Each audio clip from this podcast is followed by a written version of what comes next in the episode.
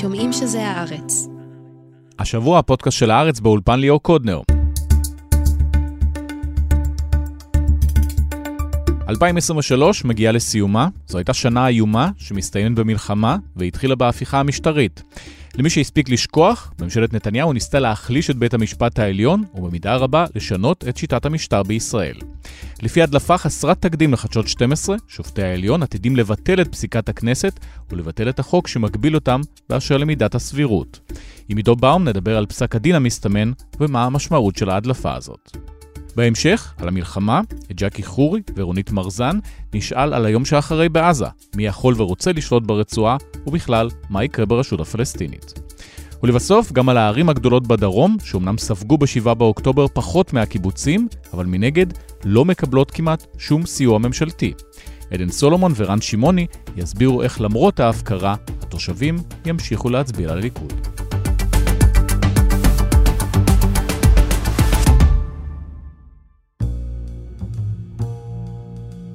עמית סגל, אה, פרשננו הפוליטי, באופן נדיר ביותר, אתה מחזיק בידך את טיוטת פסק הדין, את ההחלטות הצפויות של השופטים. לפי 15 חוות הדעת שהוגשו, בג"ץ עומד לחולל את המהפכה החוקתית השנייה, יהיו שיגידו על סטרואידים, ברוב על חודו של כל אחד, של שופט אחד, שמונה שופטים בעד הפסילה ושבעה נגד. הרבה זמן לא פתחנו תוכנית עם אה, נושא שהוא לא המלחמה, שלום עידו באום. שלום ליאור. אז אה, בחודשי הקיץ, עוד לפני זה באביב, היית פה לעיתים קרובות, דיברנו על ההפיכה המשטרית, פתאום אה, היא חוזרת? כן, נו, עד ה-12 בינואר אמורות להתפרסם החלטות בבג"ץ.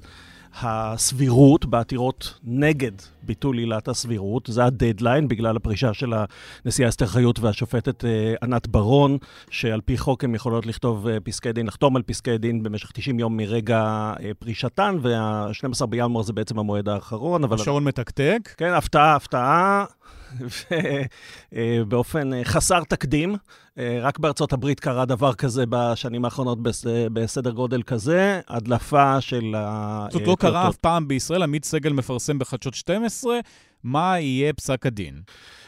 כן, או לפחות את, ה, את התוצאה הסופית, כן? אה, יש לו אה, פרסום, אה, ראינו בפרסום חלק מחוות הדעת של השופטים, אני בטוח שבפסק דין כזה, כל אחד מחמישה עשר השופטים, אני מזכיר לך שזה פסק דין היסטורי גם משום שהוא בהרכב המלא המלא של בית המשפט העליון, חמישה עשר שופטים, אני בטוח שכל אחד מהם כתב שם משהו, לא אפילו לא גילה קלפי שטייניץ רוצה להגיד משהו בניגוד לדיון. נכון, בדיון היא לא פצתה פה, ולכן אנחנו לא ממש יודעים מה, מה הייתה עמדתה, אבל לפי הפרסום של... של אה, חדשות 12. התוצאה הסופית אה, של, אה, של פסק הדין הוא שמונה שופטים בעד ביטול עילת הסבירות, כלומר החזרת הגלגל לאחור, ושבעה שופטים אה, בדעת מיעוט אה, בעד אה, להשאיר את, התיקון לחוק יסוד השפיטה בעינו. אז תכף נגיע למספרים, אבל לפני זה ברמת התוצאה, מה זה אומר שמבטלים את הביטול של עילת הסבירות? שחזרנו למצב שהיה קודם, כלומר שבית המשפט יכול לבחון החלטות של הרשות המבצעת במשקפיים של עילת הסבירות, כלומר לבחון האם אה, החלטות מסוימות חורגות מ... אה, מסבירות קיצונית, זה, אה, זאת העילה, ויש אה, לא מעט החלטות שמחכות לעניין הזה. אולי הכי מפורסמת זה העתירה נגד מינויו של איתמר בן גביר לשר לביטחון לאומי, שבית המשפט דחה אותה עד להכרעה בסוגיה הזו. זאת אומרת, יחליטו אם זה סביר או לא סביר, אם בכלל אפשר להגיד אם זה סביר או לא סביר. נכון. אז נגיע גם עוד מעט uh, למערכת היחסים המתוחה בין הממשלה לבין uh, השופטים, אבל כותבת הנשיאה חיות, לפי הפרסום של עמית סגל, שזו חציית קווים, פגיעה מאוד קשה במשטר הדמוקרטי, ולכן הכנסת לא יכולה לחוקק, גם אם זה חוק יסוד, החוק הזה מתבטל פעם ראשונה. נכון, זאת אומרת, בעצם אה, התוצאה הסופית, ואנחנו לא יודעים בדיוק מה הנימוקים, כי אני מעריך שחוות הדעת של הנשיאה ושל השופטים האחרים היא ארוכה, אה, אנחנו מדברים על מאות עמודים, אז אה, החידוש העיקרי כאן זה שמדובר בהחלטה של בג"ץ, שיש לו סמכות לבקר גם חוקי יסוד וגם לפסול אותם. זאת אומרת, אם עד עכשיו דיברנו שבג"ץ לפעמים, יש כאלה שאומרים לעיתים נדירות, יש כאלה שאומרים לעיתים קרובות, פסל חוקים של הכנסת, הפעם מבטלים חוק יסוד פעם ראשונה. ב- בעצם, כן, ובנימוק אה, אין לנו חוקה, אז אי אפשר לפסול חוק יסוד שמנוגד לחוקה, אלא אה, הנימוק הוא שחוק היסוד הזה פוגע בעקרונות היסוד, ב, ביסודות המשטר הדמוקרטי-יהודי שיש לנו במדינת ישראל. זו כנראה עמדת הרוב המתגבשת. בעצם מה שעמד בפני בג"ץ זה שתי החלטות, שני שלבים. אחד, האם יש לנו סמכות? ובכלל לבקר את, את חוק היסוד הזה, ושתיים, אם יש לנו סמכות, האם ביטול עילת הסבירות היא המקרה שבו אנחנו מתערבים. וממה שאני מבין, אה, יותר משמונה שופטים חושבים שיש סמכות. החידוש המעניין זה שהשופט אלכס שטיין, שנחשב לשופט שמרן, וגם מגדיר את עצמו כשופט שמרן, אומר, יש לי סמכות, אבל כנראה במקרה הזה... לא הפעם. בת, בדיוק לא בתוצאה, וכנראה שגם יחיאל כשר, ש...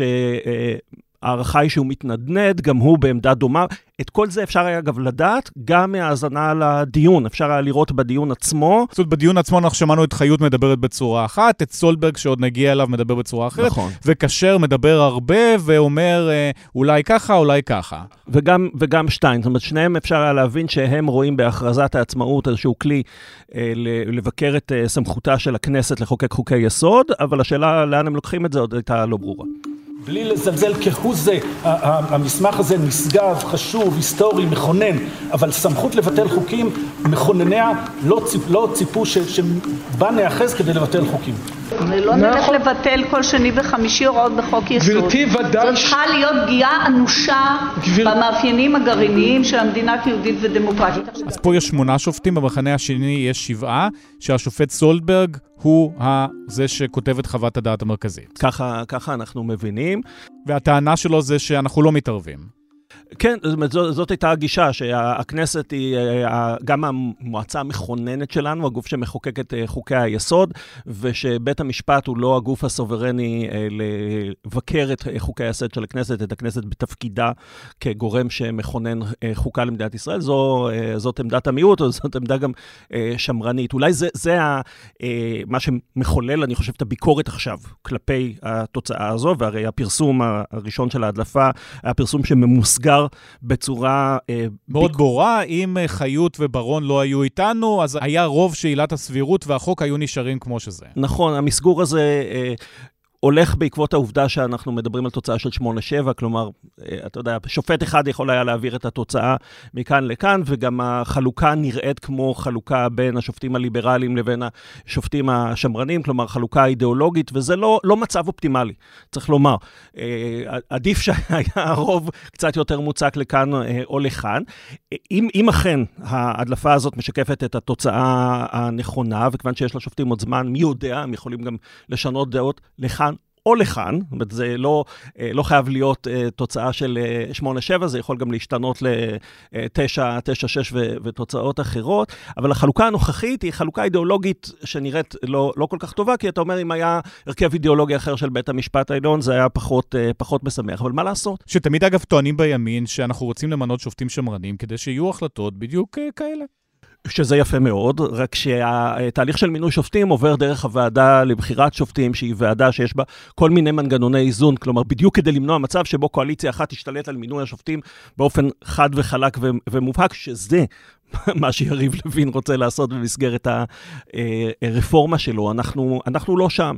ו, ויש לא מעט החלטות בבית המשפט העליון, גם אצלנו וגם בארצות הברית, שמתקבלות על חודו של קול, לפעמים על חודו של קול מאוד מאוד פוליטי, זה לא היה אצלנו, אבל היה בארצ, בארצות הברית אולי המקרה הכי מפורסם בשנת 2000, כאשר על הפרק התוצאה של הבחירות בין... אל גור וג'ורג' בוש. בדיוק, ובית משפט שרוב השופטים בו מונו על ידי נשיאים רפובליקאים, ברוב של חמש נגד ארבע, בעצם מכתיר את ג'ורג' בוש אה, באיזושהי החלטה על אה, תוצאות הבחירות, איך סופרים את הבחירות בפלורידה. ואם האמריקאים חיים עם הדבר הזה, ואני מזכיר לך שקיבלו את זה בכבוד, אל גור פשוט אה, אמר... היה ג'נטלמן? בדיוק, מכבד את ההחלטה והולך, אז גם אנחנו צריכים לכבד את ההחלטה הסופית של, של בית המשפט, ואולי מה שצריך להטריד אותנו זה ההדלפה. עוד לפני שנגיע להדלפה, אבל אני רוצה לשאול אותך, מה מונע שאחרי שברון אה, פורשת וחיות פורשת, דנים עוד פעם בחוק הזה או בחוק אחר ומקבלים החלטה הפוכה? קודם כל, אה, החלטה של בית המשפט העליון, צריך לקרוא אותה. כלומר, צריך לראות האם למעשה בית המשפט בהרכב של 15 שופטים קבע הלכה מחייבת שאנחנו יכולים לקחת אותה מכאן והלאה.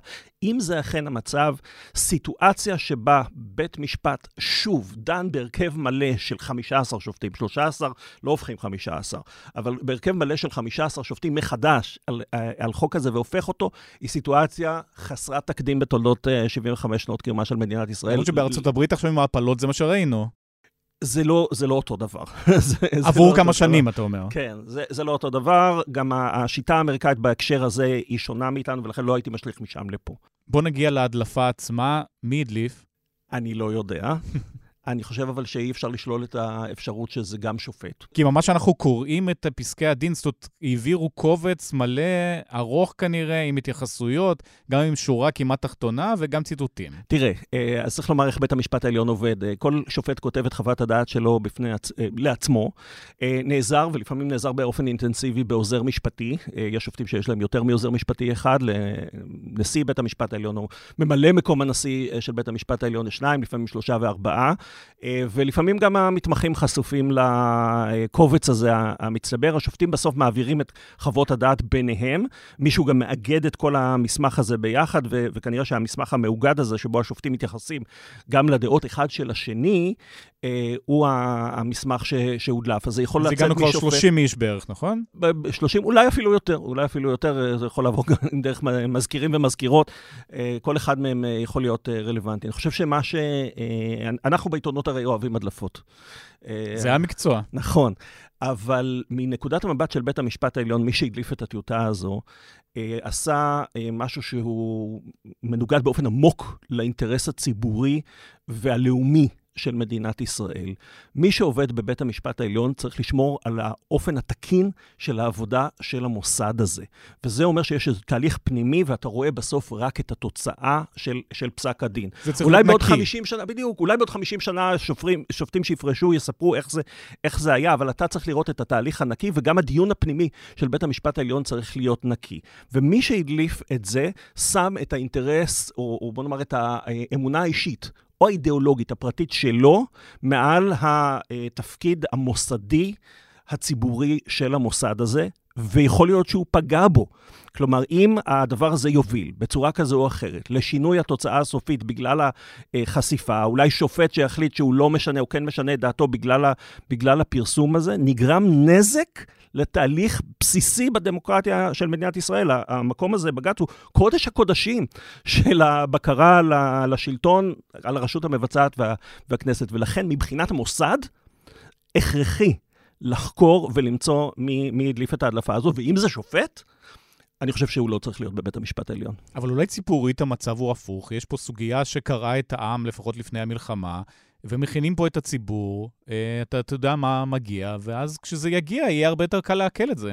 אה, זה יגיע בכל מקרה, זה בערך כמו לדעת... עוד תוך שבועיים זה מגיע. בדיוק, זה, זה בערך כמו לדעת מה הסוף אה, בסרט האחרון של ג'יימס בונד, פשוט יומיים לפני כולם, או שבוע לפני כולם, או מי זמר השנה יומיים לפני, לפני כולם. בסוף כולנו נדע. הדיון הציבורי הזה יקרה, הוויכוח לא, אבל אתה יודע לאיפה זה הולך, אתה יודע שהשמונה קבעו שמבטלים. אבל זה לא האופן שבו ההדלפה הזאת מוסגרה. היא מוסגרה עם ביקורת מאוד מאוד קשה על הכיוון שבו זה הולך, וגם על האופן הפרוצדורלי שבו זה נעשה. יש שופטים בבית המשפט העליון ששוחחתי איתם, שמותחים ביקורת חריפה על הנשיאה חיות, ואומרים שהיא זרזה אותם וכלאה אותם לסד זמנים בלתי אפשרי. זה אתה מדבר על עמית סגל כבר. נכון, הפרסום הראשון של הדבר הזה נעשה יחד עם דיווח שיש שופטים, לא שופט אחד, שופטים שמתלוננים שהלחיצו אותם זרזו אותם כי הזמנים. צריך לעמוד בלוחות זמנים. נכון, אני מזכיר לך שמי שהיה לו מאוד מאוד בוער להעביר את החוק הזה בכלל, היה הקואליציה הנוכחית, הממשלה הנוכחית, והתעקשה להעביר אותו ב-24 ביולי, ואפילו כששר הביטחון הביטחון, האיש שמגלם את האינטרס הביטחוני של מדינת ישראל, עמד פנים אל פנים מול יריב לוין בכנסת ואמר לו, תן משהו, תוותר על משהו. לא היה שום ויתור, זאת אומרת, זה היה מאוד מאוד דחוף, אז עכשיו פתאום צריך לחכות. אם אנחנו חוזרים להפיכה המשטרית, פה בימים אנחנו שומעים כבר קולות של למה לקרוא את העם עכשיו, למה צריך את הפסיקה הזאת, יכולתם להגיד לכנסת משהו, אה, תחשבו עוד פעם, למה לבטל את זה. אנחנו צפויים עכשיו לראות את ההפיכה המשטרית לדעתך מואצת חזרה, כי זה מה שהפוליטיקאים מימין רוצים, או שבכל זאת מלחמה ושקט? אני כבר כמה שבועות רואה שהמלחמה לא מפריעה לתהליכי הפילוג והשיסוע סביב הנושאים האלה, כולל ההפיכה המשטרית. ואני חושב שמה שאנחנו ראינו כאן זה את יריית הפתיחה למתקפה גדולה על בג"ץ בגלל התוצאה הזאת, כי זה לא הדבר היחיד ש... ש... שעומד על הפרק. אני מזכיר לך שיריב לוין עדיין עומד על כך שהוא משנה את הרכב הוועדה לבחירת שופטים. עד עכשיו לא עלה מינוי שופטים בכלל. מרח את זה לגמרי. נשיא בית המשפט העליון, אין לנו עדיין אה, נשיא ואנחנו לא יודעים מה, אה, מה קורה עם ההליך הזה. והתגובה של יריב לוין בעקבות ההדלפה הזו זה שהאזרחים, זה הציטוט עכשיו מהאתר שלנו, שהאזרחים לא רוצים פסק דין שמפלג את העם בשעה הזאת, אבל אני לא בטוח שיריב לוין, לפחות לפי הסקרים, אה, הוא מישהו שמוסמך להגיד מה האזרחים רוצים כרגע. אז אם אנחנו מסתכלים להמשך, עוד חזית נפתחת של בית המשפט מול הממשלה, ואנחנו צפויים לעוד חזיתות כאלה נפתחות כל פעם עד שיהיו בחירות? אני חושב שבית המשפט לא מנהל פה חזיתות מול הממשלה, פשוט כי אין לו גם את היכולת לעשות את זה. מה גם שאתה רואה שיש בו פוליפוניה של, אה, של דעות, הוא אפילו אה, מקוטב בדעות שלו. מה שאני כן חושב זה שהממשלה והקואליציה ינצלו את ההחלטות האלה שלא באות להם טוב, גם בבג"ץ הסבירות ואולי גם בבג"ץ הנבצרות, שאו-טו-טו מגיע יחד איתו.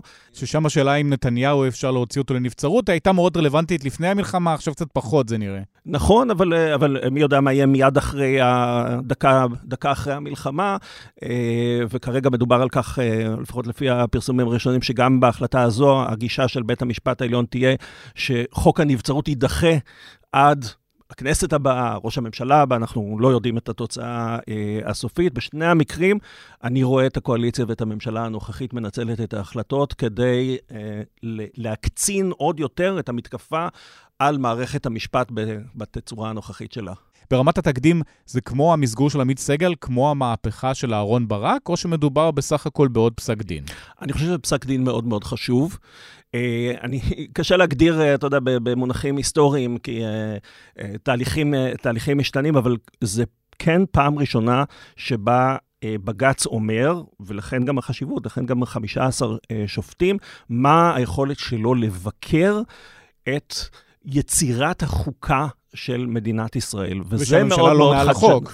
והכנסת, גם היא לא מעל העקרונות היסודיים של, ה, אה, של המדינה. זה מאוד מאוד חדשני. אני לא חושב שזה מהפכה, משום שזה חלק מתהליך.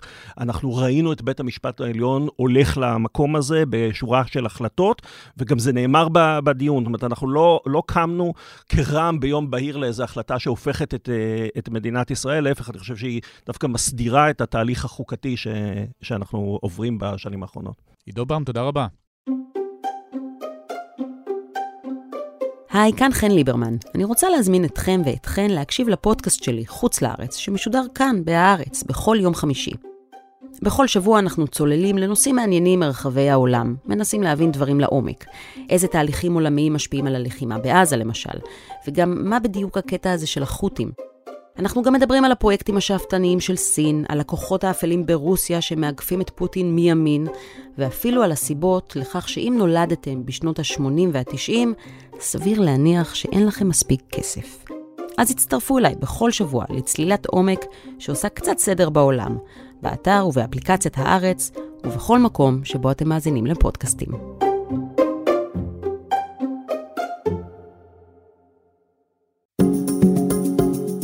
בזמן שבצה"ל נערכים לשלב הבא, ראש הממשלה מונע את קיום הדיון על היום שאחרי, למרות הבקשות החוזרות ונשנות של ראשי מערכת הביטחון.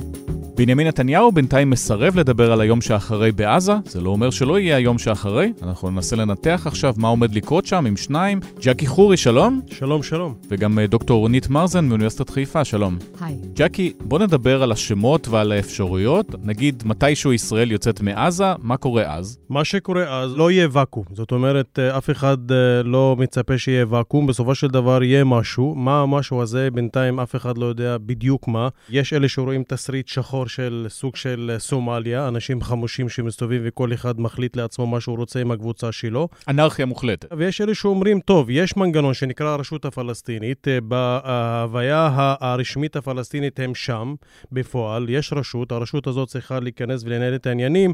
השאלה איך הרשות הזאת תטפס בענייני הפלסטינים. אם יגיע, יגיעו על טנק ישראלי, אז זה לא יתקבל בעדה, ולכן הרבה שאלות אה, שעולות, ובינתיים גם ברשות הפלסטינית מבינים זאת די טוב ומנסים להשפיע על מנגנון קבלת ההחלטות, בעיקר מול האמריקאים, כל הפגישות שמתקיימות, גם מול המצרים והירדנים ומדינות ערב, שהרשות הפלסטינית צריכה להיות שם, ויש אלה שקצת אופטימיים אומרים בסופו של דבר חייבים בחירות. איך תעשה בחירות בעזה במצב הנוכחי, אפילו בגדה המערבית, אני לא יודע, אבל אין ספק שיש בעיה של לגיטימציה של המנהיגות שתבוא ותשלוט בעזה ביום שאחרי. אם עושים בחירות, אגב, לפחות לפי הסקרים, החמאס מאוד התחזק אחרי 7 באוקטובר.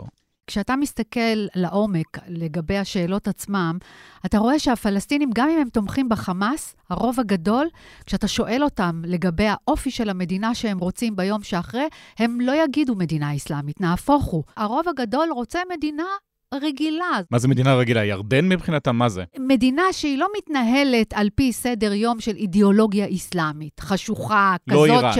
בוודאי שלא. כשאתה שואל אותם לגבי דמוקרטיה, אפילו את זה הם לא מציינים בסדר העדיפויות הגבוה שלהם. מה שמטריד את הפלסטינים היום זה הנושא של הביטחון, הביטחון האישי, הביטחון הכללי, היכולת לחיות במדינה שמישהו מגן עליך, שמישהו נותן לך חיים בטוחים, שהילדים שלך יכולים ללכת לבית הספר בבטחה, שיש לך יכולת להגיע לשוק עבודה בצורה בטוחה, בצורה מכבדת. זה אם מה זה שהם המצב, מחפשים. אבל לא פותחים במלחמה ב-7 באוקטובר. החמאס יש לה סדר יום משלה. תראה, ה-7 באוקטובר, לדעתי, יש לו כמה רבדים. אם אני מתחילה מהרובד הכי בסיסי של יחיא סנואר, הרובד האישי שלו, להוכיח, אני לא collaborator, אני לא משת"פ של הישראלים. אני לא מוכר את פלסטין תמורת נזיד עדשים, קטרי או ישראלי תמורת שלום כלכלי. זה בבסיס. אבל אם אני עולה קומה מעבר לזה, ברמה היותר אזורית, אז ברור לנו שהרצון בעצם לטרפד את הנורמליזציה בין סעודיה לבין ישראל, ולומר לעולם, הבעיה הפלסטינית חיה, קיימת, בועטת, נושמת, לא תוכלו להמשיך להתעלם ממנה. הרצון להנכיח. הם בחרו בדרך פשוט של מעשי זוועה קשים, החזירו את הציבור הישראלי היהודי לקישינב, לפוגרומים, למקום שעצם ההוויה שלנו כישראלים יושבת בדיוק על המקום הזה. זאת אומרת שחמאס הפסידה בעניין הזה לא רק את הפלסטינים, מה שהיום קורה לרצועת עזה ולתושבי עזה, היא הפסידה גם את הישראלים. טוב, עוד נדבר על ההפסד הזה, אבל ג'קי, מבחינת מיטוט החמאס, שזו המטרה הישראלית, אה, עוד לא ראינו שם אף אחד מתמוטט. השאלה מה זה למוטט את החמאס, כי עכשיו יש אלה שנזהרים בטרמינולוגיה ומתחילים מהיכולת הצבאית והארגונית והאדמיניסטרטיבית של החמאס, כי אתה לא יכול בעצם למוטט אה, רעיון. ואני חושב שהיו הרבה ניסיונות, אבל אני רק אחזור להגיד, מילה דמוקרטיה אצל הפלסטינים זה לא מילת גנאי. זאת אומרת, יש אנשים שחושבים בשיטה דמוקרטית ורוצים דמוקרטיה, וצריך לזכור, היו בחירות פעם ב-2006, וגם ניצח אז בגלל כל מיני. זאת אומרת, להגיד בחירות זה לא משהו שהוא כאילו נמצא בפלנטה אחרת מבחינת הפלסטינית. לפלסטינים יש, יש ארגונים ויש מוסדות. זה תמיד היה לא באינטרס לא של הרשות הפלסטינית ולא של ישראל לקיים את כן, הבחירות אז האלה. זה העניין, ולדעתי גם הקהילה הבינלאומית ואולי חלק ממדינות ערב שלא רוצים להתלהב, פתאום משהו ככה צץ להם דמוקרטיה ליד ישראל אה, בעניין הזה. אבל אם יש בחירות, החמאס לא מקבל 90% מהקולות? אני לא בטוח. זאת אומרת, יש גם הבדל בין הפופולריות לבין, שאני אומר, אהדה בגלל כל מה שקורה בעזה וזה משפיע, אני מסכים גם, כמו, אגב, כמו אצלנו. חלק מהסקרים הם זה מבטאים סוג של תחושה ככה בבטן, אבל כשאתה הולך לבחור מישהו שינהיג, אז אני חושב שיש פה תמונה הרבה יותר מורכבת. אבל העניין הוא שאתה שואל עכשיו פלסטיני על בחירות וזה, קודם כל בואו נפסיק את הלחימה. המצב בעזה, המצב בגדה, מה שקורה ביום-יום זה קצת מתחת לרדאר. המצב שם רחוק מלדבר עכשיו מי ינהל. המצב, רוצים לחיות, לא רוצים להתפרנס, ורוצים גם שכל העניין הזה יסתיים, ואין ספק שזה תלוי במידה רבה גם בישראל וגם בארצות הברית. אם רוצים בסופו של דבר להגיע לנוסחה שתסיים את מה שקורה בגדה המערבית וגם ברצועת עזה. אבל אם מדברים על המנהל, החמאס בעצם נשאר במנהרה כזאת או אחרת, החטופים הישראלים בינתיים נשארים, אולי האוכלוסייה הפלסטינית כן חוזרת, לא חוזרת לבתים שלהם, מתחילה לבנות מחדש. לא ברור בכלל מי מנהל, מה מנהל, מה בונים, מה עושים. זאת אומרת, גם סוגיית היום שאחרי היא מאוד מורכבת. זה נכון, כי החמאס, אה, לדעתי, מה שאני שומע מכל מיני מקורות שנפגשים עם אנשי חמאס, בעיקר חמאס חו"ל, הם מבינים שלא יהיה אותו שלטון אחרי 7 באוקטובר. זה המחיר שהם משלמים.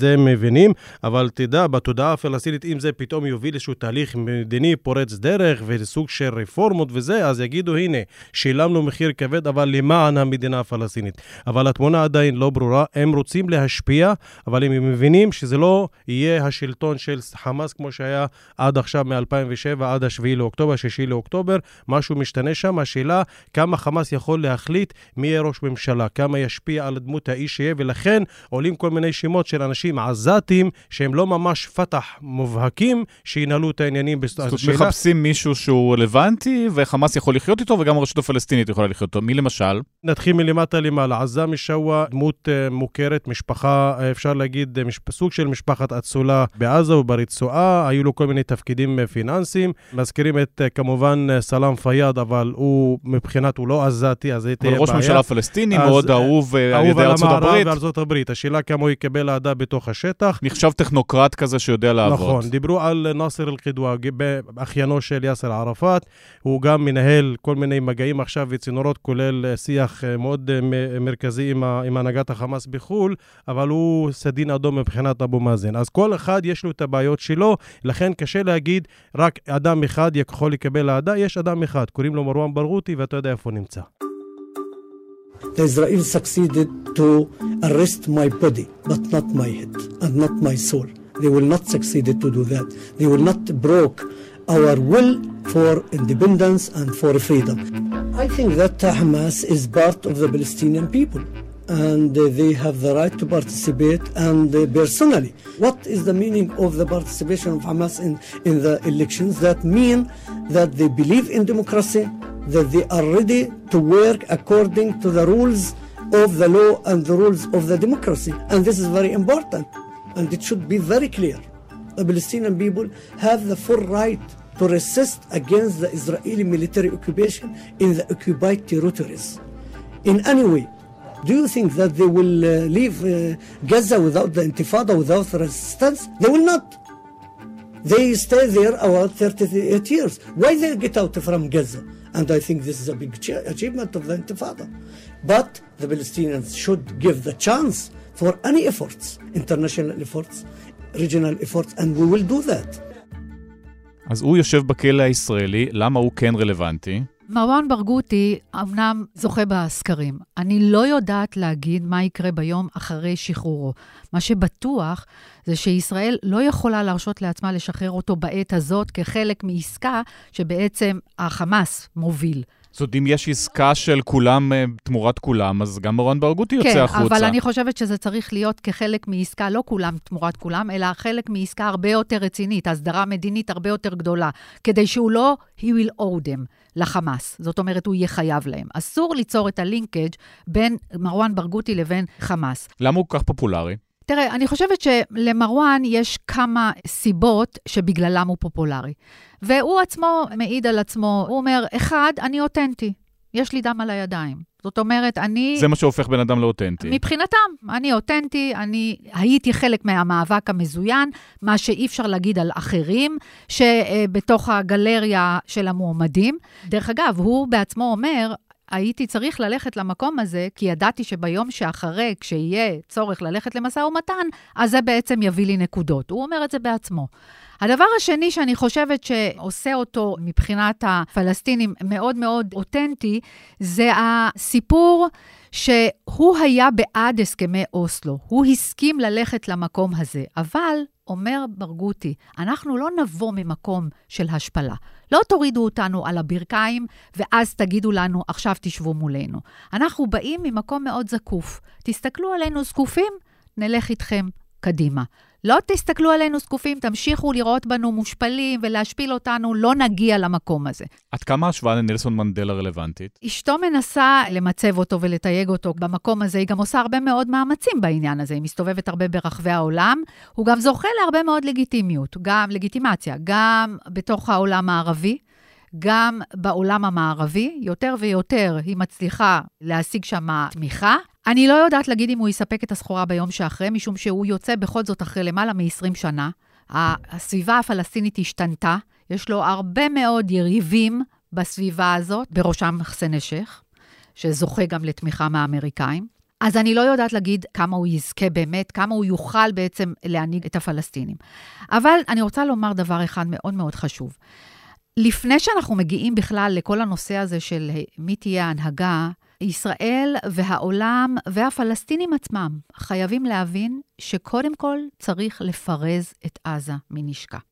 זה לא איזו שאיפה ישראלית? זה לא שאיפה פלסטינית? זה לא, זה גם שאיפה פלסטינית, משום שהיום כשאתה שומע גם את הקולות, אני הרבה ברשתות החברתיות שלהם, אתה שומע גם קולות אחרים. אנחנו לא רק שומעים את הקולות של uh, בעד חמאס ובעד מעשי הזוועה, יש גם קולות אחרים ברצועת עזה. זה לא קוריוז? שמדברים, זה לא קוריוז. שמדברים על כך שעזה מולכדה למוות. הם הושיבו, חמאס הושיבה את רצועת עזה על חבית אבק שרפה. מתחת לכל בית, מתחת לכל בית ספר, מתחת למסגד. הכל בעצם היה חבית אבק שרפה. אבל אתה יודע, זו השאלה, הביצה והתרנגולת בעניין הזה. כי אה, אם אתה, קודם כל צריך להסתכל על הזירה הפלסטינית גם בנרטיב הפלסטיני. מה שהישראלי אוהב לגבי הפלסטינים, זה לא תמיד מתאים להם. אז לגבי ברגותי, רק שתי אמירות. קודם כל, הוא דור שני, הוא לא דור המייסדים, הוא לא זה שבא מתוניס וזה, וזה מאוד פופולרי. העובדה שהוא אסיר, והעובדה גם שהוא פחות מושחת. בסדר? זה, זה אלמנט כשאנחנו מדברים על שחיתות, בואו נתמקד שנייה בזה. הפלסטינים מדברים על זה שהרשות הפלסטינית מושחתת, וגם התחילה ביקורת כזאת, אגב, על חמאס לפני 7 באוקטובר. מה זה אומר? אז פרוטקשן? שחיתות זה לא בקטע של, אתה יודע, קודם כל אנחנו לא מדברים על מדינה עשירה, זה לא מדינות המפרץ, אבל העניין של... דווקא מדינות עניות יש מה לגנוב הרבה כן, יותר. כן, חלוקת, חלוקת תפקידים וכל מיני משכורות כאלה ואחרים, וסוג של מנגנון שהוא, בוא נגיד, אנחנו יודעים שהוא לא, לא משתנה. יד רוחצת יד, כל אחד דואג לאחר. ואתה, אם אתה שייך לפת"ח אז אתה מקבל, אם אתה לא, אז פחות. זאת אומרת, יש פה הרבה בעיות שהתחילו עוד לפני אבו מאזן ועוד מהדור של ערפאת, אבל זה ברור שאין לך בחירות ואין לך דמוקרטיה אמיתית לאן זה יוביל, וכמובן, צריך להגיד את הדברים, הכיבוש משחית, כמו שאומרים לי הרבה גורמים, כי כולם מנסים לנצל את המצב. ודווקא אבל... בגלל שברגותי יושב בכלא, אז יש לו פחות מה לקחת אז, ואיך להתערבב. אבל זה העניין. השאלה, גם אני מסכים שהוא יוצא אחרי 20 שנה. קודם כל, הפלסטינים לא רוצים עכשיו שאת ברגותי יצא ויתנהל כמו אחרון הפקידים שיתחיל להיכנס לעזה. הם רוצים קודם כל דמות שתנהיג, והשאלה מי יבוא מתחתיו כדי לנהל את העניינים. זאת אומרת, אחד כמו נאסר אל-קדווה יכול להיות איתו, אחד כמו סלאם פיאד יכול להיות איתו. כל מיני גורמים, אנשי מקצוע יכולים להיות מתחת למטריה, הוא למעלה. זאת אומרת, נלסון מנדלה גם לא יצא והתחיל לעבוד בשטח ביום-יום. אתה צריך את הדמות הזאת המאחדת, כי המצב בעזה, כמו שהזכירה פה, אנחנו יודעים בדיוק לאן זה הולך, אבל גם חייבים להגיד העניין של הפירוז.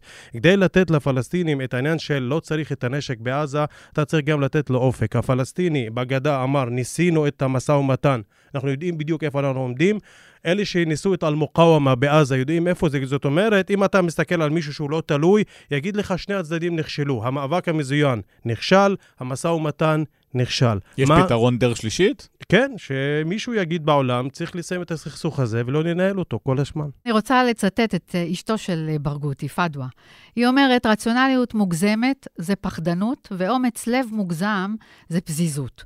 אנחנו צריכים להיות אמיצים ורציונליים. זאת אומרת, כמו שאמר ג'קי, הנושא של המאבק המזוין נכשל, הנושא של המאבק המדיני נכשל, אפילו הנושא של מאבק אזרחי עממי, תהלוכות השיבה, שלכאורה זה מה שהן היו אמורות להיות בהתחלה, הרעיון המקורי, נכשל. אז מה נשאר? העלו את הסוגיה הפלסטינית לסדר היום חזרה. אז מה נשאר? עכשיו, מה המסוכן בסיפור של השביעי באוקטובר? מה המסוכן בנסיגה החד-צדדית מרצועת עזה, ההתנתקות? המסוכן הוא שבעצם מה אנחנו אומרים כל פעם, הישראלים, מה אומרים כל פעם לפלסטינים? שאם אתה הולך למאבק מזוין, בסוף יש פרס. ואבו מאזן והרשות הפלסטינית, ששנים ארוכות בעצם הלכו למאבק מדיני, ואוסלו עצמו, היה חלק מהתחלה של תהליך מדיני, נכשל. הדבר היחידי שיצא ממנו זה תיאום ביטחוני. כן, שישראל מרוויחה ממנו, אבל הפלסטינים לא מרוויחים ממנו. הרשות הפלסטינית סוג של משת"פית של ישראל. בדיוק. עכשיו, מה חמאס אומרת? עכשיו, צריך להקשיב טוב-טוב לקולות שיוצאים מקטאר, מהנהגת החוץ של חמאס. אני מקווה מאוד שישראל וגם הפלסטינים לא ייפלו בפח הזה ויביאו את הנהגת החוץ, את ח'אלד משעל פנימה. כי מה אומר ח'אלד משעל? ח'אלד משעל אומר את הדבר הבא. הוא משתמש במוטיב הסבר, האורך רוח, כושר הסבל וכולי וכולי. יש לנו מאות שנים לסבול, כן, בסוף אנחנו ננצח. אבל מה הוא אומר בבסיס? הוא אומר, הרעיון, התוכנית הגדולה שלהם היא לבנות את אש"ף מחדש, במרכאות, להשתלט חמאס תשתלט על אש"ף ותהפוך בעצם את הישויות השלטוניות, זאת שתהיה בעזה, זאת שברמאללה, לישויות מוניציפליות, חסרות כל משמעות. ומי שבעצם יוביל את כל העגלה הזאת, הפלסטינית, יהיה אש"ף. אבל מי יהיה באש"ף בענייני שלום ומלחמה? חמאס. והשאלה, אם אתה נכנס לאש"ף, כמה אתה מקבל את כל ההסכמים החתומים? הרי כשאבו מרזוק יצא איזו הצהרה שלו לפני שבועיים, אפילו כותרות בישראל, שאנחנו מקבלים. עכשיו, זה היה ב-2017, וזה כל מיני שיחות כאלה, בעיקר הנהגת החוץ, שאנחנו רוצים להיות חלק מאש"ף, אבל בתנאים שלנו... בוא נסביר רגע מבחינת ההסכמים החתומים, הסכמי אוסלו והכרה בישראל כמדינה יהודית. הכרה בישראל, לא כמדינה יהודית. מדינה יהודית זה הסוגיה הבאה שבנימין נתניהו ניסה לדחוף להם. אז לכן אני אומר, העניין הוא פה להשאיר את הדברים אך ורק אצל הפלסטינים, זה בעייתי. הרי אנחנו יודעים שהרבה מאוד גורמים עכשיו בוחשים בקלחת. הירדנים מאוד מודאגים, המצרים מאוד מודאגים, מדינות... לכן, אם... ותקשיב לאבו מאזן, אגב, הוא הפתיע אותי לטובה השבוע, שהוא התראיין לפני יומיים בטלוויזיה המצרית, היה ממוקד וחד ויודע בדיוק לא. האיש בן 88, ישראל אומרת שהוא כבר איבד את זה, לא גינה אגב את 7 באוקטובר עדיין. השאלה מה זה גינוי, ובהסתכלות הישראלית, שוב, כי הוא כל הזמן אמר, אני נגד פגיעה באזרחים חפים מפשע. עכשיו, מבחינת זה זה לא מספיק, אתה צריך לחשוב, כמו שאמרתי, צריך לחשוב בראש של הפלסטיני, שאדם שגם הוא מאבד את הלגיטימיות שלו, ואנחנו ראינו גם מה עוברים האנשים שלו ברחוב במרחב הפלסטיני. אבל נחזור לעניין הזה.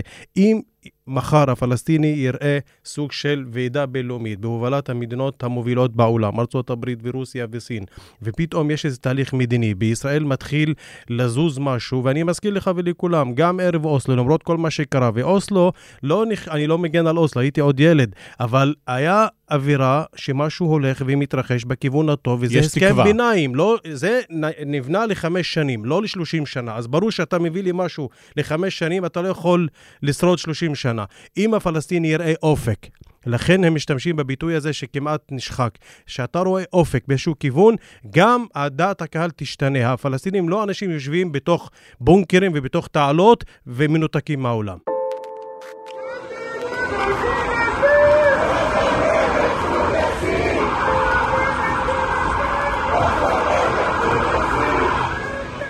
אז הזכרנו קודם את המדינה היהודית, אז 7 אה, באוקטובר לא מחזיר לתמונה שהפלסטינים בעצם מדברים על גבולות 48 ולא על גבולות 67? כן, בהחלט. אז זה הנרטיב. דרך אגב, זה הנרטיב של חלק מהפלסטינים. לצערי הרב, מדברים על קולוניאליזם, ישראל היא קולוניאליזם התיישבותי. אין הבנה מאוד בסיסית שליהודים אין לאן ללכת. הם באו לפה כי אין להם. אומרים לא תלכו לאירופה להם, חזרה. אבל זה לא, לא, אבל חלק גדול מהיהודים באו בכלל ממדינות ערב, לא באו ממדינות אירופה. וזאת הטעות הגדולה. זאת הטעות הגדולה שכל הזמן נדמה שמדינת ישראל קמה בגלל השואה. לא, היא לא קמה רק בגלל השואה. היא קמה עוד איך אומרים, בגלל כל ההיסטוריה של היהודים, שלא היה מקום אחד שבו היהודים יכלו להרגיש שהם בטוחים, שהם יכולים בעצם לחיות בשקט ובשלווה. המקום היחידי שהם הגיעו אליו, ארץ ישראל, חלק היו פה, חלק הגיעו לפה. דרך אגב, הרבה מאוד מהחברים שלי, כן, הפלסטינים והערבים, כשאני שואלת אותם, הרי יש גם מהגרים ערבים שהגיעו לכאן, משפחת בושנק, חיג'אזי, אגבריה ועוד ועוד, אם אני אמנה. יש פה ארץ אחת שיושבים בה גם ערבים ישראלים, גם יהודים. ופחות או יותר, אלה שנמצאים פה חיים פחות או יותר בסדר. ויש את הפלסטינים ביהודה ושומרון ובעזה. בדיוק, גדה מערבית ורצועת, ולזה צריך למצוא פתרון, ואני חושבת שהגיעה השעה. וה... אבל הפלסטינים צריכים להבין גם את הפחד הקמאי הזה של היהודים, שנפער בשביעי באוקטובר. את חוסר הביטחון הזה במקום היחיד שיש ליהודים. אבל העניין של ה-48 עלה, אני חושב שרק בשנים האחרונות, שהתחילו להבין שאין דרך, שאתה כל יום קם בבוקר, הרי אנחנו לא מדברים על זה. יש מציאות בגדה, שכל יום אתה בונה לי עוד התנחלויות, שאתה מדבר איתי על סיפוח, אתה מדבר איתי על גירוש קהילות שלמות uh, באזור הבקעה באזור אה, הר חברון וכל המקומות הללו. שאתה עכשיו מדבר לחזור אפילו לבנות אה, התנחלויות בתוך רצועת עזה. אז מה הפלסטיני? אז אוקיי, אתה רוצה את כל השטח מהנהר לירדן, אני פה, אף אחד לא מצפה לטרנספר ברצון או לא ברצון, זה סתם אמירה. לכן בואו נדבר על 48 כמדינה אחת. אני לא חושב שהקטע של בואו נגרש ומי יגרש. מי שעכשיו נמצא בסכנת גירוש זה הפלסטינים. למי יש כוח ותוכניות ביצוע וכותבים על זה מאמרים ומחקרים ואפילו הצעות לגרש ברצון, לא ברצון, הקורבן פה הוא הפלסטיני. עכשיו, להביא את הפחד הישראלי, שאנחנו עכשיו נמצאים בסכנת גירוש, אני חושב שצריך להגיד את הדברים בצורה הכי מדויקת. אם הפלסטיני יבין שגם ישראל מוכנה להגיד מה הגבול המזרחי שלה, איפה זה מסתיים, אז לדעתי גם אתה נותן אופק להרבה מאוד גורמים, בוא נלך להסדר המדיני של שתי המדינות. לא עכשיו, החמאס והתומכים שלו. עכשיו, אבל... החמאס גם, כמו שאני, אני אתן לך דוגמה. אני ואתה ודוקטור מה זה יושבים פה, אתה תגיד לי, תקשיב, יש לך מחלה, והמחלה הזאת יכולה להסתבך אם אתה אוכל כל יום 1, 2 ו-3. אז בואו נוריד, בסדר, את גורמי הסיכון. עכשיו, אתם בציבור הישראלי מדברים כל הזמן על גורמי החמאס, החמאס. אם אתה רוצה להחליש את החמאס, תן אופק למישהו שבא ואומר, יש לי את הנרטיב שלי ואת הגישה שלי, אבל לזה לא, ולזה לא, מה כן? אין לי תשובה מה כן מבחינת מדינת ישראל. אני מסכימה עם ג'קי. חלק מה, מהסיפור הזה של התחזקות החמאס נובע מזה שאין אופק. אין אופק. הסיפור הפלסטיני הישראלי תקוע. וכאשר, תראה, אחד הדברים שאני חושבת לגבי הנושא של 48, אני רוצה רגע לחזור לעניין הזה. אני חושבת שאחד האנשים ואחת המדינות שתרמה הכי הרבה לנרטיב הזה של הקולוניאליזם ההתיישבותי זה קטאר ועזמי בשארה. שנים הבן אדם בונה רשת של משפיענים, משפיעני רשת, רשתות חברתיות, ואינטלקטואלים, שמהדהדים את הנרטיב הזה של קולוניאליזם התיישבותי. ואני חושבת שהוא עושה עוול. הוא עושה עוול לפלסטינים. זה עבד לפל... לפחות בקרב הצעירים האמריקאים, אגב. בוודאי, הוא עושה אבל עוול בסופו של דבר לפלסטינים, כי היהודים אין להם לאן ללכת. הם לא ילכו מפה. זה לא... מסר לא מורכב מדי. זה לא, זה לא אלג'יר, זה לא הסיפור של אלג'יר. זה שכל הזמן מנסים להגיד, זה שח'אלד משעל, כן, הוא מלמד אותו, אז מבשרה, הוא תלמיד טוב שלו. זה שהוא מלמד אותו להגיד שכמו שהצרפתים עזבו את אלג'יריה, אז גם היהודים בסופו של דבר, או הצלבנים, או, או you name it, ילכו, אז גם היהודים בסופו של דבר ילכו. לא, זה לא המקרה, משום ליהודים אין לאן ללכת. את זה צריך לחלחל היטב פנימה. וגם להפך. וגם בצד השני. וגם לפלסטינים אין לאן ללכת. ולכן, אני היום חושבת שהגיע הזמן שבאמת נגיע להסדרה מדינית, שקטאר היא לא חלק ממנה. קטאר היא מדינה חתרנית, והיא מנצלת את המצוקות של הפלסטינים היא מנצלת אותם. היא לא באה לפתור אותם. היא הספונסר. אבל, מי, אבל מי הביא את קטר לפה ונטל את כל כך הרבה כוח? מסכימה אומרת, לחלוטין, אומרת... מסכימה לחלוטין בעניין הזה, שישראל יש לה יד ורגל ענקית בסיפור של הבאת קטר. לישראל יש יד ורגל, ויש לה גם יד ורגל שתוביל את הספינה הזאת לאן בעצם ולתת אור ירוק למשהו. כמו להגיד כל הזמן, לא, לא חמאסטן ולא פתחסטן ולא אז מה, כאילו רשות מקומית שתנהל את עזה. תשמע, מה שקרה ב-7 לאוקטובר זה נורא, ו... אבל גם חשוב להדגיש לגבי מה שקורה בציבור הערבי, להגיד זה במילה. זה לא אירוע שמנותק מהחברה הערבית. יש שם חטופים ערבים, יש קורבנות. אני גר... ערביי בצ... ישראל, אתה מתכוון. כן, ואני גר בצפון ובקו העימות, זאת אומרת, אנחנו חלק מהאירוע, וכל הזמן מסתכלים עלינו, הנה אתם עכשיו, פלסטין, לא פלסטין, תגנה, לא תגנה. הערבים בישראל גם צריך להגיד, בכל פעם שהיה סוג של אופק מדיני, הרגישו טוב, וכל פעם שיש מלחמה נגד בני עמם, הרגישו רע, אני לא רוצה להשתמש בביטוי אחר, וזו תמונת המצב. אז מה שונה הפעם? אבל uh, באמת, כמו שאמרת, הם היו קורבנות בעצמם, אז לכן ההזדהות... השונה הפעם, ש... תשמע, יש, אני לדעתי, הרבה, הרבה גורמים נכנסו פה לתמונה. קודם כל, שאף אחד לא מסכים למה שקרה ב-7 לאוקטובר, ולכן פגיעה באזרחים, נשים וילדים זה משהו שאתה לא יכול לצאת ישר להפגין בעד החמאס, אחד. שתיים, אתה מסתכל גם על מה שקורה בעזה, ואתה לא יכול להיות אדיש. זאת אומרת, אנחנו, עם כל הכבוד, אולי מי שיודע ערבית ועוקב יודע, אבל אנחנו מבחינת התקשורת, אנחנו חשופים להרבה מאוד חומרים, להרבה מאוד פרטים, שהציבור הישראלי מנסים להעלים אותם. זאת אומרת, הציבור הערבי... אותם 20 אלף הרוגים בעזה בפעולה של צה"ל, שרובם אזרחים, נשים, ילדים. וכן, וזה כל יום, זה לא רק אל-ג'זירה אגב, קשר יומיומי ורשתות חברתיות, ואתה מסתכל על זה. שתיים, הציבור הערבי נמצא עכשיו בין הפטיש לסדן. מצד אחד, הוא רוצה את האזרחות שלו, והוא מבין בדיוק לאן זה יכול להוביל. מצד שני, לא יכול להיות אדיש כלפי מה שקורה, ולכן יש קריאה אחת פשוטה, תפסיקו את המלחמה, תחזירו את החטופים ותגיעו להסדר מדיני. וזה כבר... מסובך, מסובך. וזה כבר מוגדר על ידי כל מיני גורמים בישראל כגורמי קיצון שאומרים את הדבר הזה, ואם אתה עושה עצרת או כנס תחת הכותרת הזאת, המשטרה מתערבת. בואו נסיים עם uh, מה שקורה ברצועת עזה. אמרנו יותר מ-20 אלף הרוגים, גם בישראל, גם uh, בעזה, קוראים לזה נגבה 2, זה אכן נגבה 2?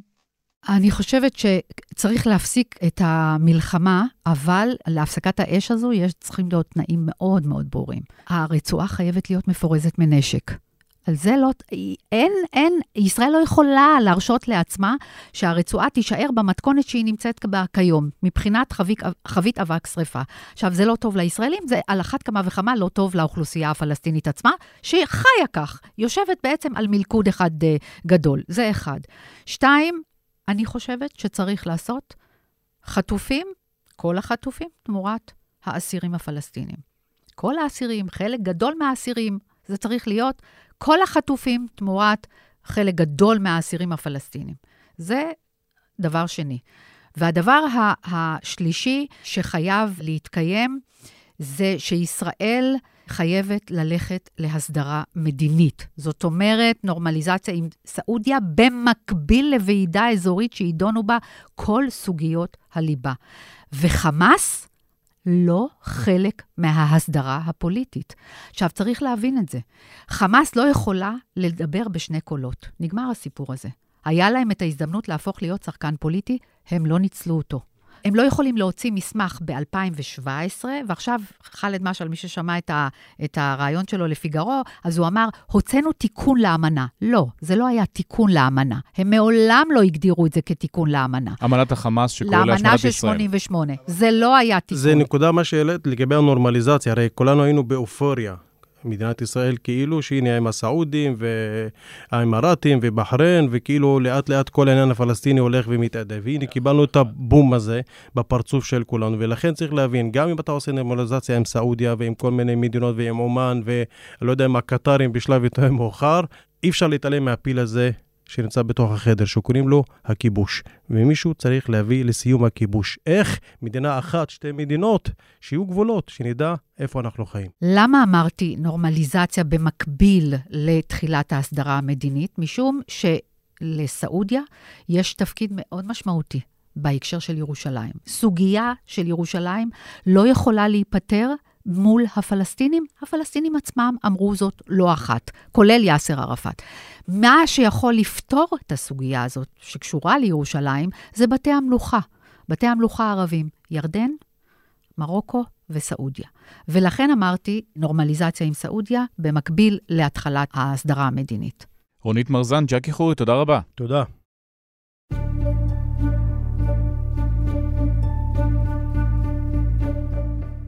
שלי נחרב!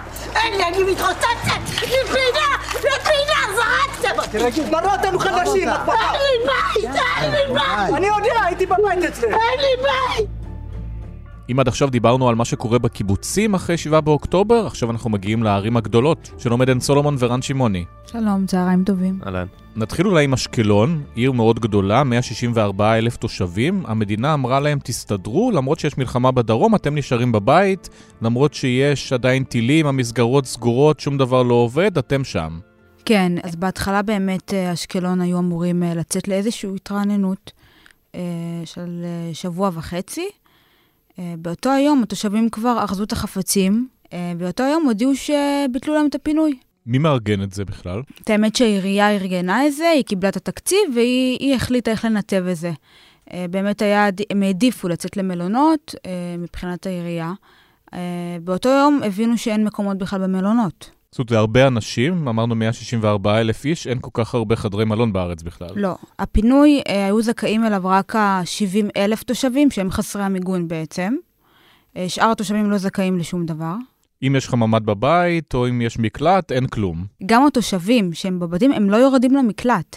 בשבוע הראשון של המלחמה אני יצאתי לכל השכונות חסרי מיגון, והמקלטים היו סגורים, כי לתושבים הם כבר לא יורדים שיש אזעקה למקלט, כי הם לא מספיקים, כבר לא מעניין אותם מהאזעקות, הם נשארים בבתים. כמה זמן יש מרגע האזעקה עד שצריך להגיע למרחב מוגן? הם 30 שניות. כמה אזעקות יש? זה כמו, כמו פה במרכז יש הרבה פחות, או שעדיין כמעט כל יום יש משהו? כרגע בקושי יש פעם בשבוע, אבל uh, באמת בחודש הראשון זה היה בילד, אי אפשר לצאת מהבתים, כי זה לא כמו נניח בשדרות, שיש מלא מיגוניות מפוזרות בעיר, ונניח אתה יכול לרדת עם הילד להתאוורר בפארק, uh, ואם יש אזעקה להיכנס רגע למיגונית והכל בסדר. שם זה לא ככה, באשקלון. וזה גם מאוד קרוב לעזה, פשוט מצאו איזה פרצה בירוקרטית שזה 7.4 קילומטר מהרצועה, ואמרו, זה מעבר לטווח. כן, אז חלקה הדרומי של אשקלון זה 7.2 קילומטר מעזה, שזה די קרוב. אז על ה-200 מטר האלה אמרו להם פשוט אתם נשארים. כן.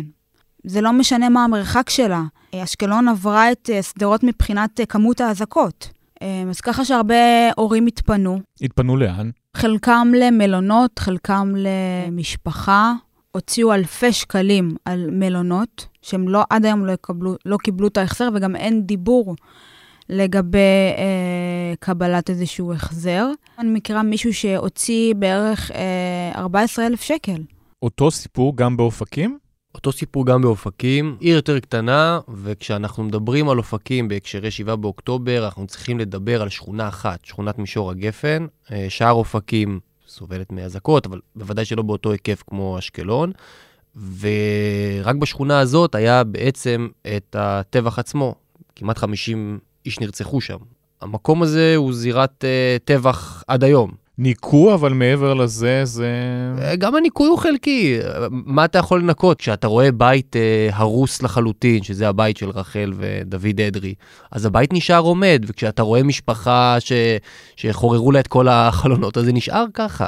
זה עדיין לא השתנה. אפשר לבנות מחדש את הבית, אם המדינה הייתה רוצה, הייתה שולחת לשם והיו בונים. על פניו, כרגע בשלב ההצהרות, יש איזשהו דיבור על שיקום השכונה, אבל כשאנחנו מדברים על הטבח הזה באופקים, אנחנו מדברים בערך על ארבעה רחובות. חמישה רחובות, כולם רחובות מאוד מאוד קטנים. כשאתה מסתובב שם, אתה ממש רואה אזור לחימה עדיין כמו אה, מהתמונות של קוסובו של פעם? אני אגיד לך מה אתה רואה. אתה רואה אנדרטה כזאת ארעית אה, לכל נרצח. עכשיו, כשאנחנו מדברים על 50 נרצחים, בארבעה רחובות, זה בעצם אומר שכל עשרה צעדים אתה תראה אנדרטה. מה זה אנדרטה? זה ממוקם בנקודה שבה האדם אה, נרצח, אם זה שוטר, אם זה אזרח, יש זוג. יש פתק, פרחים. יש שלט גדול בצבע כחול, באותיות לבנות, כתוב את, ה, את השם, קצת על הבן אדם, בדיוק על הדרך שבה הוא אה, נרצח, שמבחינת הנצחה זה דבר אה, יחסית יפה, אבל כשתושבי אופקים, תושבי מישור הגפן, לא מפונים, הם, הם בעצם חיים את הדבר הזה כל יום, כל היום. תפנו את מי שבלי מיגון. אם לא נתתם מיגון ולא טיפלתם במיגון בדיוק. במשך עשרות שנים, תפנו את מי שבלי מיגון. למי צריך לחכות? שלי הבעיה שלא מיגנו אותם? איזה תשובות יש לך לתת לאותם אנשים מסכנים שחוץ מלהתפלל שלא ייפול עליהם טיל, אין להם שום אפשרות לחיות, להישאר בחיים? למה המדינה לא מפנה אותם או דואגת להם ומנסה לפתור את הבעיה הזאת? לגבי אשקלון, התאגדו uh, כמה תושבים משכונת אגמים, שהיא השכונה באמת, כמו שאמרתי, הכי דרומית, ש-7.2 קילומטר uh, uh, מהגבול, והם התאגדו כי הם רוצים לזעוק, אף אחד לא עוזר להם. ראש העיר הוא בקושי מתפקד, הוא לא מצטרף לכל הוועדות כספים. בוא נגיד שהוא ישן בעמידה. והם החליטו uh, להתאגד ולעשות כל מיני סרטונים ויראליים, לעזור לתושבים שזקוקים לעזרה וללכת לוועדות בכנסת, להשמיע את הקול שלהם. אחד מהם, יעקב חזן, הוא סיפר לי שהוא הלך לוועדת הכנסת וחבר כנסת אחד אומר לו, הבעיה שלכם שאתם הרבה, אי אפשר למגן 70 אלף בלי מיגון. היה גם פתרון או רק ביקורת? לא הציעו פתרונות. חבר כנסת אחר אמר לו, שהם לא חטפו את מה שעוטף עזה חטפו. ראש העיר הוא במקרה גם איש ליכוד, תומר גלם, אז זה לא עוזר לו במסדרונות השלטון? כשמתקשרים לבנימין נתניהו או מישהו אחר מהמפלגה, לא עוזרים? את האמת שבהתחלה הוא די נלחם, הוא הגיע הרבה לכנסת, אני זוכרת, אבל אה, זה די דעך. זאת אומרת שגם התושבים מרגישים שהוא הפסיק פתאום. אולי זה קשור איכשהו לבחירות, אולי זה קשור לזה שהוא מטעם הליכוד והשתיקו אותו טיפה. אף אחד לא יודע למה, אבל זה ניכר שהוא שתק. אצל ראשי עיר ליכודיים זה, זה עובד בצורה דו-כיוונית. מצד אחד, יש לך, כן, לממשלה, אם היא בראשות הליכוד, יש למי להתקשר. אז יש יותר קשב, יש למי להתקשר, אבל באותה מידה, אתה צריך לא לעורר יותר מדי בעיות. היה קצת, אגב, בהתחלה שהם... היה, היה בהתחלה, אבל זה מין דיבורי רהב כאלה, אז תומר גלם קיבל את הסינק שלו, שהוא צועק שם בוועדה, אבל בפועל זה לא שינה את החיים של תושבי אשקלון, וזה לא משנה את החיים של תושבי אופקים. ואפשר להסביר את הסיפור הזה של הפינוי, של היעדר הפינוי והיעדר הטיפול, בשתי רמות. יש את ההסבר הבירוקרטי הטקטי, כן? 7, 7.2, הרבה, לא הרבה, יש את זה, ויש את זה כל מיני הסברים. סתם קבעו 7, אגב, יכלו להגיד שזה 8, לא, ואז לא, היה לא, מסתדר. לא משנה, אבל אז היית עושה 8, ואז מי ש-8.2, אפשר לעשות את זה. אבל יש רמה אחרת, שהיא בעיניי רמה קצת יותר מהותית של ההסבר. א', ענייניות, וב', איזושהי עמדה מוסרית של המדינה, שהיא לא אמפתית, אלא עמדה מוסרית של אנשים שמגיע להם, אנשים שראויים, הם לא, הם לא צריכים את הדבר הזה כאיזשהו עניין של חסד. זה אנשים ש... אני יכול, אני יכול לדבר ספציפית על מישור הגפן, זה אנשים שחוו טבח, טבח שהוא לא שונה ב, בהיקפים שלו מבחינת uh, תא שטח, הוא לא שונה בהיקפים שלו ממעשי טבח אחרים. והאנשים האלה לא מפונים, לא רואים אותם מאלף ואחת כיוונים, אה, והם מרגישים את זה והם יודעים את זה, ובסוף, אתה יודע, עכשיו התחילו באופקים, פעם הסלוגן היה אופקים עיר של אנשים. אז עכשיו החליפו את זה לאופקים עיר של גיבורים, שזה דבר יפה מאוד, גם התושבים אהבו את זה והכול. אבל צריך לשאול את עצמנו, מה זה גיבור בעצם? גיבור הוא אדם שמתגבר. הוא מתגבר על הפחד, הוא מתגבר על האיום בשדה הקרב ויוצא לעשות משהו, והיו הרבה מאוד אנשים כאלה באופקים. אבל גיבור הוא גם אדם שמתגבר כשקשה לו. וגם שלא עושה רעש. שלא עושה רעש, זה בן אדם שלא מבקש עזרה, הוא יסתדר. הוא יסתדר עם התסמינים של אחרי, הוא יסתדר עם, ה, עם, עם הילד שמרטיב במיטה, הוא יסתדר, הוא הרי גיבור, הוא מתגבר, ולכן לא בטוח כמה האדם הזה צריך עזרה. כשהמלחמה הזאת נגמרת ומתישהו היא תיגמר והממשלה אומרת תחזרו הביתה, החיים חוזרים למסלולם, מה יקרה באשקלון? יהיה מאוד קשה לחזור. אה, מהבחינה של אה, הילדים. גם מערכת החינוך לא מתפקדת בעצם מאז 7 באוקטובר. האמת שהם חזרו לפני שבועיים בערך, אה, למתכונת מצומצמת של קפסולות, ושוב, חזר הירי, אז הם צמצמו את זה עוד יותר. אז רוב הלימודים בזום. רוב הלימודים בזום. את האמת שגם בגלל העניין הזה של החינוך, מלא הורים רוצים, רוצים לעזוב, רוצים לעזוב. הם אומרים, אנחנו מרגישים שהילדים שלנו שקופים. אנחנו שקופים. אני לא רוצה שהילד שלי יהיה שקוף, גם ככה יש הבדלי אה, אה, פריפריה-מרכז מבחינת לימודים. אז זה רק יתעצם. אז הם, את האמת שהרבה מהם גם אומרים לי, אם היה לי אפשרות כלכלית, הייתי עוברת למרכז, אה, למקומות שיותר מסתכלים עלינו, שלילדים שלי יש עתיד. אם אנחנו מדברים על ערים אחרות אה, בדרום, גם שדרות שחטפה הרבה אבל באמת פונתה, או על אה, ערים קצת יותר צפוניות, אשדוד, גם המצב שם קשה? אשדוד, מבחינת אה, יירוטים וכדומה, היא לא חטפה כמו אשקלון, אמ, אבל גם המסגרות הלימודיות, הם לא חזרו אה, למתכונת מלאה, לשגרה מלאה. אבל אני חושבת שדווקא באשדוד יש יותר שגרה, גם כשמסתובבים בעיר, העיר חיה. זאת אומרת שמסעדות פתוחות, אמ, האנשים עם מצב רוח יותר מרומם, ואשקלון היא כבויה. מבחינת תוכניות ממשלתיות, באמת על שדרות דובר, על אופקים באופן חלקי, שאר המקומות שהסתדרו לבד? תראה, יש את uh, מנהלת uh, תקומה שהוקמה, ש... אבל בעיקר מתמקדת במה שקרה ליד הגדר. נכון, ובמידה רבה של צדק. Uh, צריך לשקם את המקום הזה ברמה הפיזית ממש, uh, למרות שזו פחות הבעיה, צריך לשקם את, ה, את הקהילה שם. ובמקומות אחרים, תיקח דוגמא את שדרות, ההרס שם הוא לא הרס משמעותי, כלומר, ברמה הממש אה, פרקטית אנשים יכולים לחזור ולגור, אגב, גם במישור הגפן באופקים יכולים פשוט לחזור ולגור שם. השאלה היא מה קורה, מה קורה אחרי זה. וכאן, הטיפול הזה זה טיפול שהוא בתוך הרשויות המקומיות, שבעיקרון זה דבר נכון, לתת את הכוח לרשות המקומית שהיא תטפל בזה. השאלה היא מי הרשות המקומית ומי עומד בראש הרשות המקומית. ומה קורה שם. וכאן אנחנו נכנסים כבר לעולם שלם אה, ובעייתי של שלטון מקומי, בוודאי ובוודאי בפריפריה. אבל כשאתם מדברים עם תושבים, את מי מאשימים בסיפור הזה? נניח במישור הגפן יש הרבה ביקורת על העירייה. בוא נגיד שהם אה, סוג של אה, נפנפו אותם, הם הרגישו ממש שהם מנפנפים אותם, גם מבחינת היציאה להתרעננות הזאת. ראש העיר הוציא, הם אומרים, הם הוציא מקורבים שלו, הוציא אנשים שלא קשורים בשום, בשום קשר לשכונת מישור הגפן ולא חוו את, הטרא, את, ה, את הטבח, הם לא חוו את זה. ויצא שבאמת הרבה תושבים שיצאו להתרעננות משכונות אחרות, תפסו את המקום של התושבים שהגיע להם. אז uh, יש הרבה ביקורת והרבה זעם על ראש העיר בגלל, ה... בגלל העניין הזה, וגם על העניין שהוא לא הגיע לבקר אותם. רק אחרי חודש לדעתי, הוא הגיע לשכונה, וגם זה לאחר שהם זעמו וצעקו ואמרו, איך אתה לא מבקר אותנו, רואה מה איתנו. Uh, כן, הזעם על ראש העיר הוא מאוד, uh, מאוד גדול. אחת הטענות אה, שעולות לאנשים שהם לא, לא מהפריפריה וקוראים אה, כתבות או אה, שומעים ראיונות עם אנשים, אומרים, בוא'נה, למי הצבעת? אבל למי הצבעת?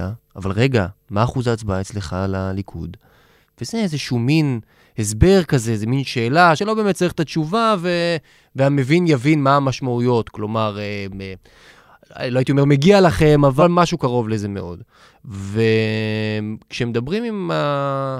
עם האנשים עצמם, ולא רק מדברים עליהם, אה, אז שומעים גם ביקורת על הממשלה, גם ביקורת על נתניהו, אבל הביקורת היא ביקורת על המדינה.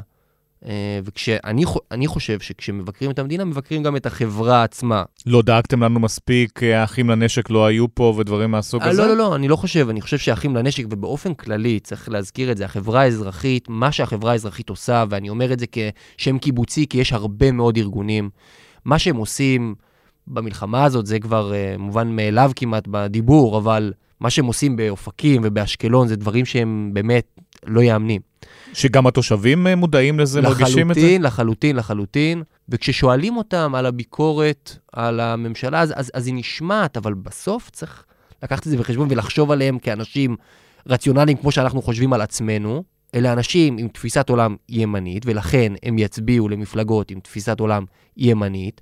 אני לא ראיתי אה, את מפא"י מתרסקת מיד אחרי יום כיפור, נכון? אחרי זה, אבל לא לפני זה. אה, ולכן אני גם לא מצפה שעכשיו כל אה, נפגעי אופקים ואשקלון יחליטו לעזוב ולהתחיל להצביע למרץ. זה לא יקרה, וגם אין שום ציפייה, וגם המשמעות של ההצבעה הזאת לא אומרת שאין ביקורת, ולא אומרת, היא אומרת שאנחנו ימנים, וזה מה שאנחנו מצביעים. ברמה המקומית, כשיהיו סוף סוף בחירות לשלטון המקומי, צפוי שם שינוי, או שגם זה נשארים עם מה שיש? אני חושבת שבאמת, כמו שרן אמר על הליכוד, הם יישארו אותו דבר כי הם...